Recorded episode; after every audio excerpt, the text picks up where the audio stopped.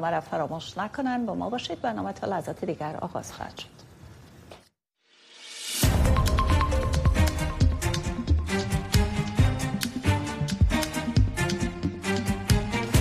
سرخط چند گزارش این ساعت تلویزیون آشنای صدای امریکا در نشست به میزبانی انستیتیوت بروکینگز و لافایر روی پروسه تخلیه از افغانستان و صدور ویزای خاص مهاجرت و کاستی های این پروسه بحث و تبادل نظر صورت گرفت.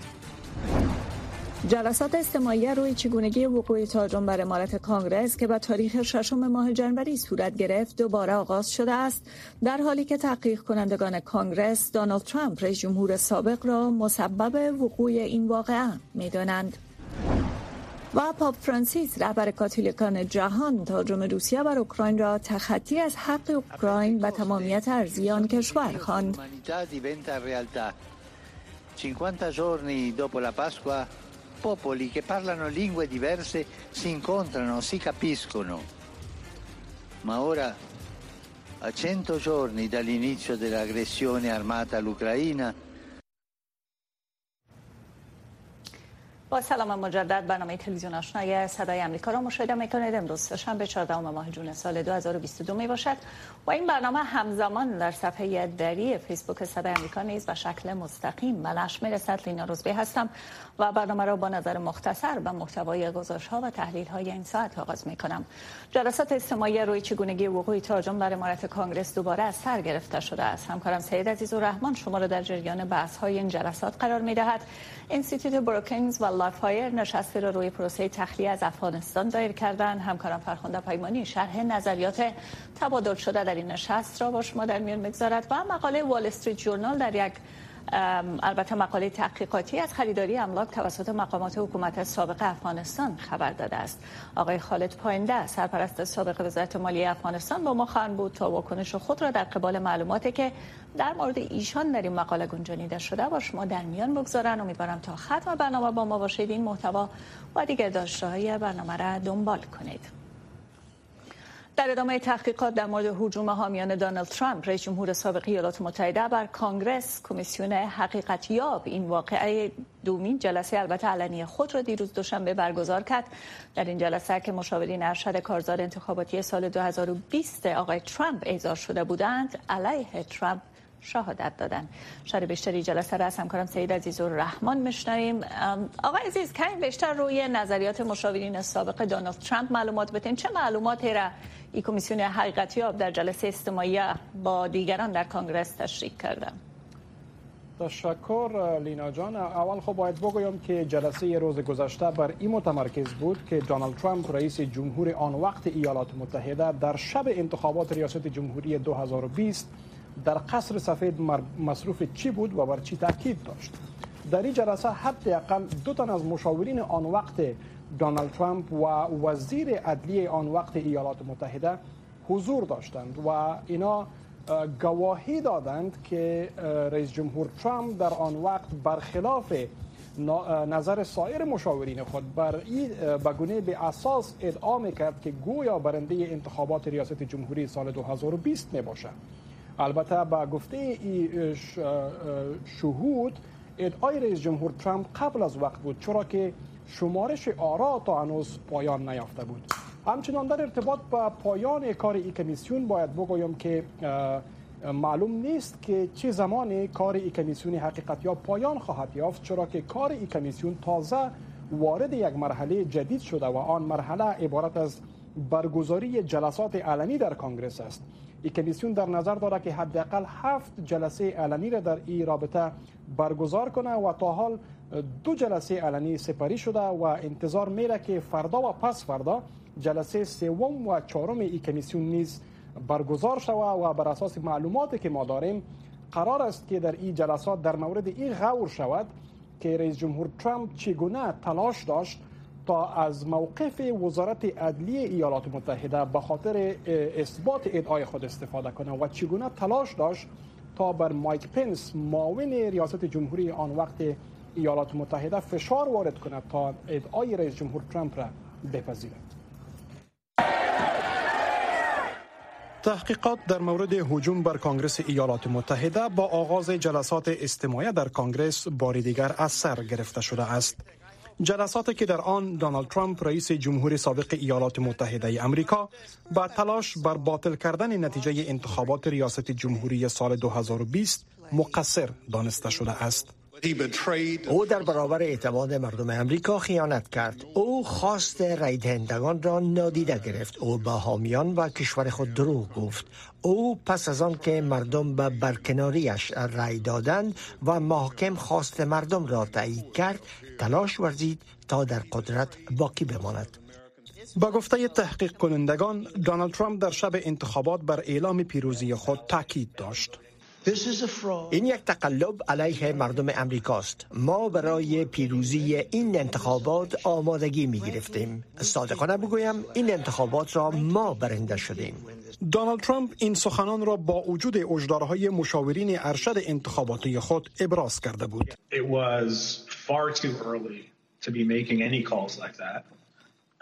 چنین اعلام بسیار قبل از وقت بود. آرا هنوز در حال شمارش بود و برای چندین روز ادامه داشت. چنین اعلام بسیار قبل از وقت بود. اما رودی جولیانی وکیل مدافع آن وقت کارزار انتخاباتی ترامپ که با گفته شاهدان در شب انتخابات نشه بود نظر ترامپ را تایید می کرد. جولیانی می گفت که ما برنده انتخابات هستیم و آنان نتیجه را از ما می دزدند. هر کسی که با این نظر موافق نیست او ضعیف است. بلبار وزیر عدلیه ایالات متحده در زمان انتخابات سال 2020 گواهی داده بود که دونالد ترامپ هفته ها پس از شب انتخابات و حتی اعلام نتایج آن با ادعاهای خود مبنی بر تقلب در انتخابات ادامه داد. من به نحوه معیوز شده بودم زیرا فکر کردم که اگر او به این چیز باور دارد پس از حقیقت دور شده است مسئولین انتخاباتی سه ایالت و یک تن از وکلای حزب جمهوری خواه نیز گفته بودند که تلاش کارزار انتخاباتی ترامپ در محاکم برای اثبات تقلب در انتخابات به اساس بود. قانونگذاران شامل در کمیسیون حقیقتیاب می گویند که کارزار انتخاباتی ترامپ با بدرازا کشیدن ادعاهای خود میلیون ها دلار جمعآوری کرد که به سازمان های حامی ترامپ داده شد. ما شواهد به دست آوردیم که کارزار ترامپ و نمایندگان آن برای اعانت دهندگان در مورد اینکه پولهایشان به کجا می رود و برای چی مصرف می شود معلومات گمراه کننده داده بودند. بنان نه تنها یک دروغ بزرگ وجود داشت بلکه یک چور بزرگ نیز وجود داشت. اعانت دهندگان باید بدانند که پولهایشان در کجا به مصرف رسیده است. همه قانونگذاران جمهوری خواه کار کمیسیون حقیقتیاب واقعه ششم جنوری سال 2021 را غیر قانونی خوانده و به حمایت خود از ترامپ ادامه داده اند. جلسات استماعی این کمیسیون روز چهارشنبه و پنجشنبه این هفته دوباره آغاز می شود. این جلسات بر تلاش های ترامپ جهت استفاده از وزارت عدلیه ایالات متحده برای ادعای به اساسش متمرکز خواهد بود. سید عزیز رحمان تلویزیون آشنای صدای امریکا واشنگتن. کمشتر عالی سازمان ملل متحد در امور پناهجویان به روز دوشنبه از پلانهای بریتانیا به استرداد پناهجویان به رواندا انتقاد کرد. و آن را راه نادرست با آنچه بریتانیا حفاظت از مردم در سفرهای خطرناک خوانده است دانست. این نظر توی در حال ابراز شده است که استیناف ها در محکمه در بریتانیا رد شده و پروازها آماده انتقال پناهجویان از بریتانیا به رواندا است. فلیپو گرانده می‌گوید که این عمل کرد راه درست رسیدگی به این معضله نیست. بریتانیا می‌گوید که این کار را به خاطر حفاظت مردم از سفرهای خطرناک انجام می دهد. من در مورد این نظریه اندک شک دارم. حفاظت مردم از سفرهای خطرناک کار خوب است ولی رای درست انجام آن چیست؟ آیا این دلیل عمده انجام این معامله است؟ فکر نمی کنم که این گونه باشد. من فکر می کنم که بریتانیا و دیگر کشورها می خواهند که این سفرهای خطرناک متوقف شود ولی راه های دیگر هم است که می توان برای جلوگیری آن انجام داد. فرستادن پناهجویان به رواندا رای آن نیست. گرانده اضافه کرد که وی خشم برخی از برسانوی ها را در قبال این موضوع درک می کند که در قبال قاچاقچیان انسان است که مردم را به این سفرهای خطرناک می کشانند ولی بازگرداندن آنان به رواندا قادر به حل این موضوع نخواهد شد و اما در اوکراین اداره غذا وزارت سازمان ملل متحد به روز دوشنبه هشدار داده است که جنگ جاری در میان اوکراین و روسیه در طول سال آینده بر امنیت مواد غذایی جهان با افزایش قیم مواد غذایی و تهدید به حاصلات زراعتی تاثیر خواهد گذاشت. رئیس نداره ملل متحد در سخنرانی افتتاحیه‌اش در 170مین نشست این در روم ابراز داشت که بار این جنگ بر دوش امنیت غذایی است و نیاز به تحلیل و عملکرد مناسب برای رسیدگی به این موضوع وجود دارد و اضافه کرد که جنگ در اوکراین پروسه صادرات غذا، خوراک مواشی، کود کیمیایی و مواد سوخت را مختل ساخته که این مسئله بر قیم مواد غذایی و حاصلات محصولات زراعتی در طول سال 2023 تاثیر منفی می‌گذارد. در این نشست پنج روزه قرار است که گزارش عملی نداره در سالیان 2020 و 2021 بررسی شود و موضوع تاثیر جنگ اوکراین روسیه بر امنیت غذایی نیز به بحث گرفته شود. همزمان با کنترل نیروهای روسی بر بخش اعظم شهر سیبیری و دونتسک در منطقه دونباس ولادیمیر زلنسکی رئیس جمهور اوکراین می‌گوید که جنگ این منطقه به عنوان یکی از بیرحمانه ترین درگیری ها در تاریخ ثبت خواهد شد این در حالی است که پاپ فرانسیس رهبر کاتولیک های جهان در یک پیام گفته است که جنگ در اوکراین و جنگ منطقه مبدل شده است. و شرح بیشتر در این گزارش توجه کنید. مقامات اوکراینی می‌گویند که با ادامه درگیری های شدید در منطقه شهر سورودونتسک منطقه دونباس روز دوشنبه اعلام نمودند که نیروهای این کشور از مرکز شهر به عقب رانده شدند و همزمان با این نیروهای روسی به عملات راکتیشان بر کارخانه کیمیاوی که در آن صدها سرباز و غیر نظامیان پناه بردند ادامه می‌دهند و ضمنا به تخریب شهر دست زدند. سری هایدای ولی این منطقه در شرق اوکراین به روز دوشنبه اعلام نمود که نیروهای روسی کنترل 70 درصد شهر سویدونسک را در شرق این منطقه به دست گرفتند و این می‌گوید حدود 500 غیر نظامی در این منطقه گیر ماندند و نیروهای اوکراینی تلاش دارند تا آنها را به یک منطقه امن انتقال دهند. جنگ اکنون در شهر سیورودونیتسک ادامه دارد. آنچه را که دشمن در مورد تصرف کامل این شهر اعلام کرده است حقیقت ندارد. سربازان ما مواضع خویش را در منطقه حفظ کردند این در حال است که روسیه ادعا می نماید که نیروهای آنها در حال حاضر کنترل 97 درصد ایالت لوهانسک در منطقه سیورودونتسک را در اختیار دارند. از سوی دیگر پاپ فرانسیس رهبر کاتولیک های جهان با نشر یک پیام با روز سه شنبه گفت که حمله به اوکراین با مسابقه نقض حق تعیین سرنوشت یک کشور تلقی می شود.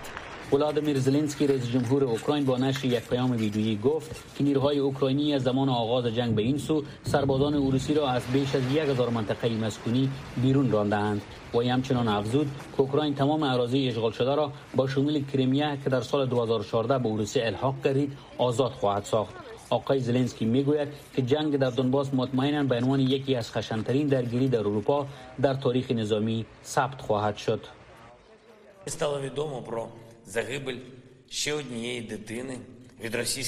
هزینه این جنگ برای ما بسیار بالا و خطرناک است و ما توجه متحدان خود را همه روزه به این واقعیت جلب می کنیم که فقط تعداد کافی تسلیحات نظامی عصری خواهد توانست برتری اوکراین را تضمین کند و برای ما ممد واقع شود و در نهایت می تواند زورگویی روسیه را در منطقه دونباس پایان دهد زلنسکی می گوید که مردم اوکراین به جز این که به مبارزه خیش ادامه دهند دیگر کدام گزینه در دست ندارند و می خواهیم تا تمام قلمرو از دست داده خیشا آزاد نموده و اشغالگران را از تمام این اراضی خارج سازیم. این در حال است که برخی مقام های اوکراینی اخیرا در خطوط مقدم جنگ گفتند که مهمات اردوی این کشور در حال تمام شدن است و خواستار کمک های فوری نظامی بین المللی شده اند حمیدالله حمیدی تلویزیون آشنای صدای آمریکا واشنگتن.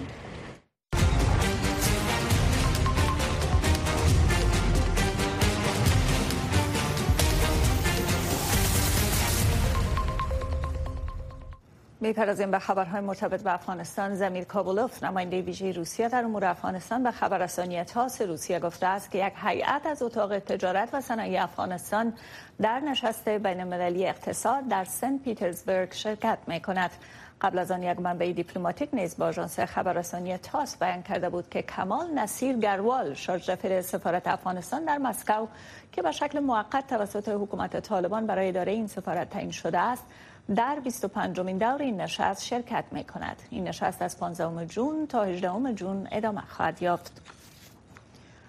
نیروهای هوایی ایالات متحده علیه تیاره باربری اردوی ایالات متحده که در پروسه تخلیه از میدان هوایی کابل در اواخر ماه آگست پرواز کرده بود و مردم از بال و بدنه آن به زمین افتادند از وقوع این واقعه بعد دلیل بیتوجهی برایت داده است. سخنگوی نیروهای هوایی ایالات متحده در یک اعلامیه بر روز دوشنبه ابراز داشت که تحقیقاتی که در قبال این پرواز صورت گرفت نشان می‌دهد که عملکرد عملیان مطابق با قوانین بوده و قضاوت آنها در پرواز این تیاره تحت شرایط در محل در حالی که وضعیت امنیتی در حال وخامت بود بجا بوده است.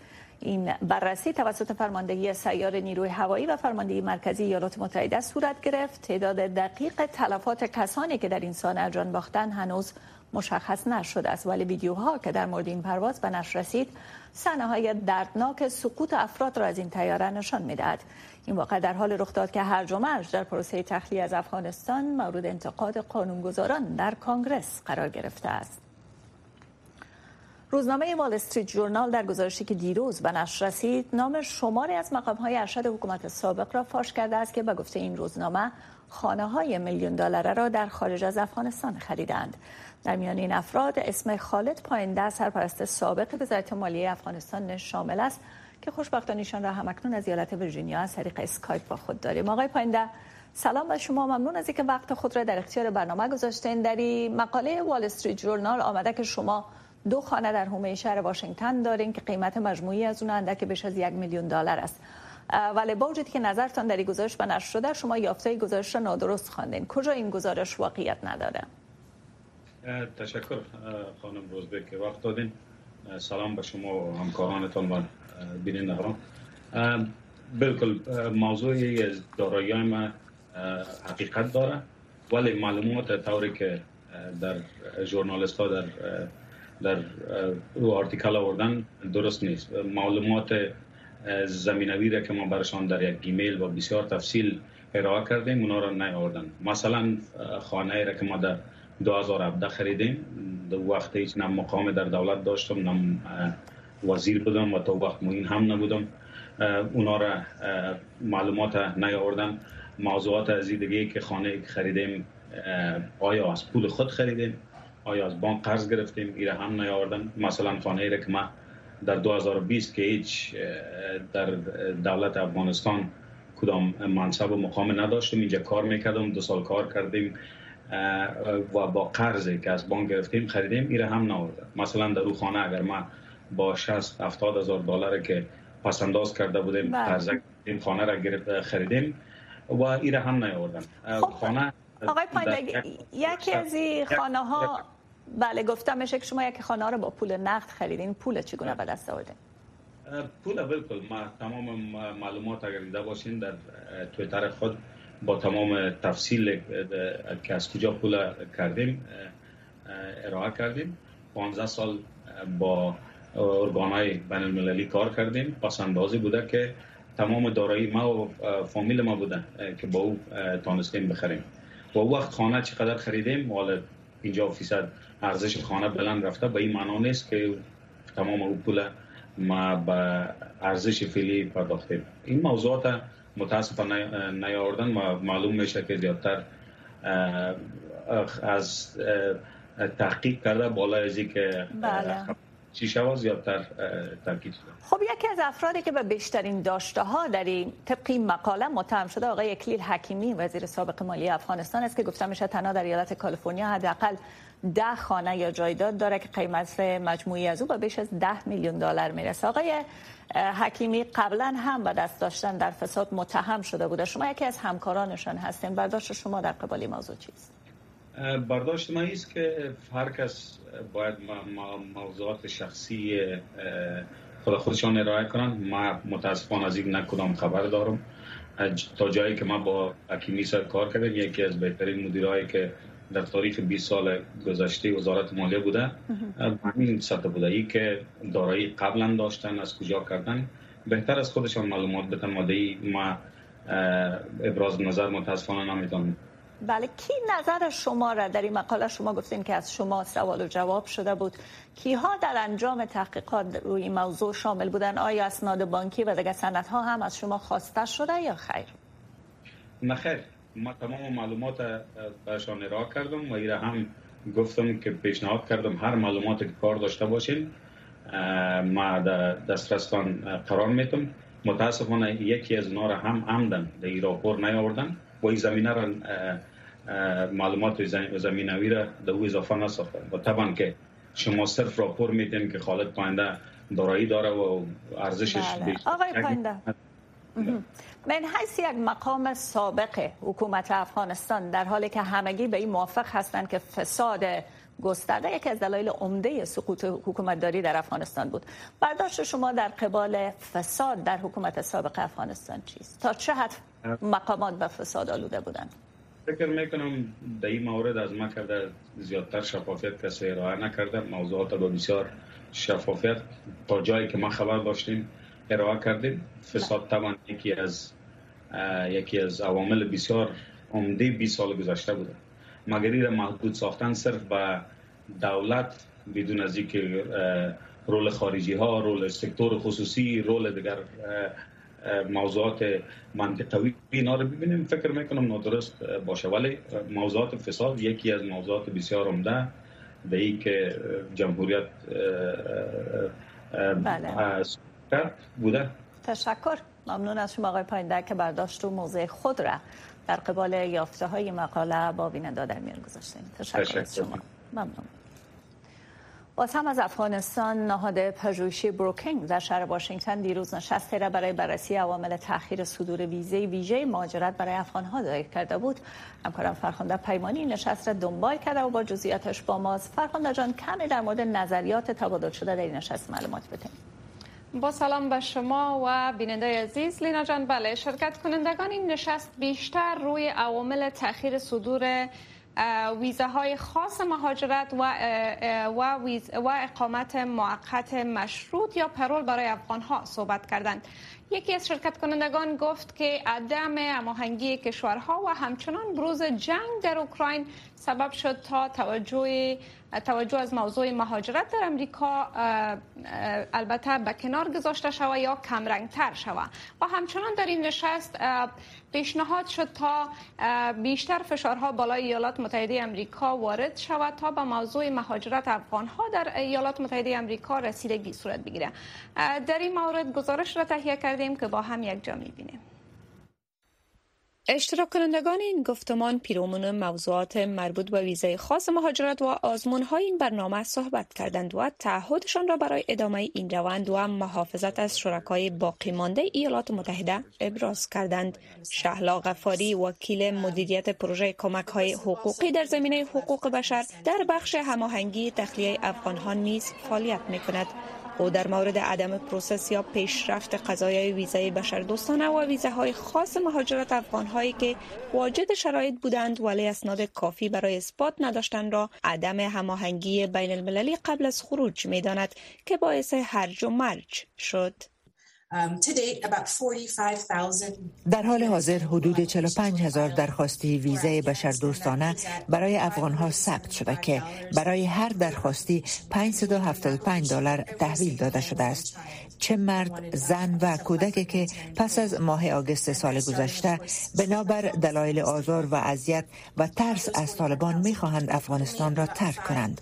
ولی فقط 5 درصد آن تایید شده و 85 درصد آن رد گردیده است. اکثر این افغان ها در افغانستان گیر ماندند و این نوع پناهندگی نیز مستلزم آن است که فرد برای شروع باید افغانستان را ترک کرده باشد. بنابراین آنها هیچ قضیه را برای افغان ها بررسی نمی کنند که تا هنوز در افغانستان باشند. از سوی استیف میسکا که در کمیته رهبری ائتلاف تخلیه متحدان ایالات متحده برای تخلیه شرکای افغان کار می کند عدم هماهنگی بین المللی و از سوی هم جنگ اوکراین را دلایل عدم علاقه جامعه جهانی بر رسیدگی به مشکلات افغان ها می داند که پروسه تخلیه و جابجایی افغان ها را جنجالی کرد. در ابتدا سازمان ها با خوشنیتی قدم برداشتند و کمک کردند تا افغان ها از دو کشور سالس خارج شوند ولی بعدا بنابر عدم همانگی جامعه جهانی هیچ دنباله برای رساندن به مقصد اصلی آنها وجود نداشت و این درست وقتی بود که موضوع حمله روسیه به اوکراین اتفاق افتاد و جهان تمرکز خود را به جانب اوکراین معطوف کرد. مت زلر افسر سابق ایالات متحده و یکی از بنیانگذاران نهاد کمکی هیچ کس نباید پشت سر گذاشته شود. می‌گوید همه این چیزهایی را که آنها به اداره بایدن در مورد طالبان هشدار دادند رخ داده است. ولی اداره بایدن آن را جدی نگرفتند. در طول زمستان 2020 تا جنوری 2021 پیشنهاد به دولت تحویل دادیم و در آن توصیه کردیم که پروسه کار همه متقاضیان سایوی را بدون توجه به اینکه در کدام مرحله قرار دارند آغاز کنند و آنها را به جزیره گوا منتقل کنند. جایی که ما می توانستیم به عنوان محل اقامت موقت برای متحدان افغان استفاده کنیم و بعدا تصمیم گرفته شود که چگونه می خواهیم آنها را در ایالات متحده اسکان مجدد دهیم. این را بر اساس تخلیه سایگان در ویتنام در سال 1975 که از گوام استفاده شد توصیه می کنیم که دلایل آن را نیز ذکر کردیم. در ختم این گفتمان همه اشتراک کنندگان تاکید بر همکاری برای افغانهای تخلیه شده در ایالات متحده در بخش اسکان مجدد. وضعیت قانونی زندگی در امریکا و کاریابی برای ادغامشان در اجتماع جدید کردند و از امریکاییان خواستند تا از شرکای افغانشان استقبال کنند. فرخنده پیمانی تلویزیون آشنا صدای امریکا واشنگتن مقام های حکومت طالبان در ولایت غزنی از بازداشت سه قاچاقبر مواد مخدر خبر دادند و شرح بیشتر در گزارشی از لطیف یعقوبی توجه کنید اداره محلی حکومت طالبان در ولایت غزنی می‌گویند بازداشت افرادی که مصرف قاچاق مواد مخدر هستند پس از دستور ملا هیبت الله رهبر طالبان افزایش یافته است.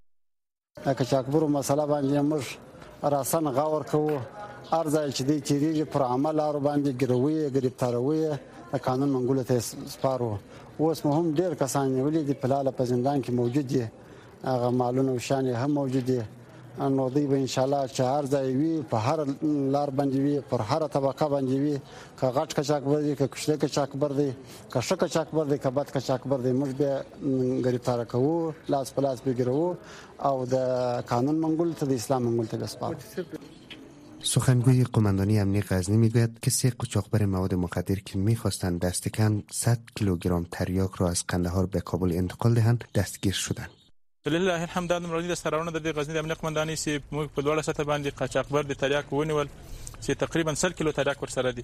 او دا به حتما قانوني محکمې ته وړاندې کیږي او قضایي سیاست کوم د دوی حکومت جزا واغه بویني او ولدي بعد موږ هیڅ ته اجازه نه ورکو په هیڅ صورت باندې د مليون امر ده چې تریاک او قاچاق او مواد مخدر بندي هیڅ کوم نشي کولای چې د غزنی په منطقه کې د غزنی په ساحه کې یا قاچاق وکي یا وکړي او یا خرڅ کوي واخلي. په همدې تړاو باندې د درې نفر نیول شوی در این حال باشندگان غزنی از نهادهای امنیتی در این ولایت می‌خواهند که قاچاقبران و مافیای بزرگ مواد مخدر را مجازات کنند تا به گونه سر در اختیار معتادین قرار نگیرد. با توجه به شرایط فعلی و افزایش معتادین مواد مخدر خواست من حیث یک شهروند از مقامات دولتی است و از مسئولین مبارزه با مواد مخدر که باید جلوی قاچاق مواد مخدر به صورت جدی گرفته شود. همچنان قاچاقبرانی که دستگیر می شود باید با آنها به صورت جدی و قانونی برخورد شود و زمانی که آنها را زندانی می‌کنن زود آزاد نکنند. زیرا اگر آنها زود آزاد شوند آنها همه قوانین نادیده گرفته دوباره دست به عمل قاچاق خواهند زد. این در حالی است که دو ماه پیش در ماه اپریل امسال ملا هیبت الله رهبر گروه طالبان در یک فرمان کشت تولید خرید و فروش هر نوع مواد نشاور را به گونه کامل منع کرد و دستور داد که با متخلفان آن بر بنیاد شریعت اسلامی برخورد می شود برخی از تحلیلگران انتقاد می کنند که طالبان تا هنوز هیچ اقدام جدی را نبرداشته و قاچاق مواد مخدر ادامه دارد. لطیف یعقوبی تلویزیون آشنا صدای آمریکا ولایت غزنی. با این گزارش در ختم بخش دری برنامه این ساعت قرار گرفتیم. تا برنامه دیگر شب و روزتان بخیر.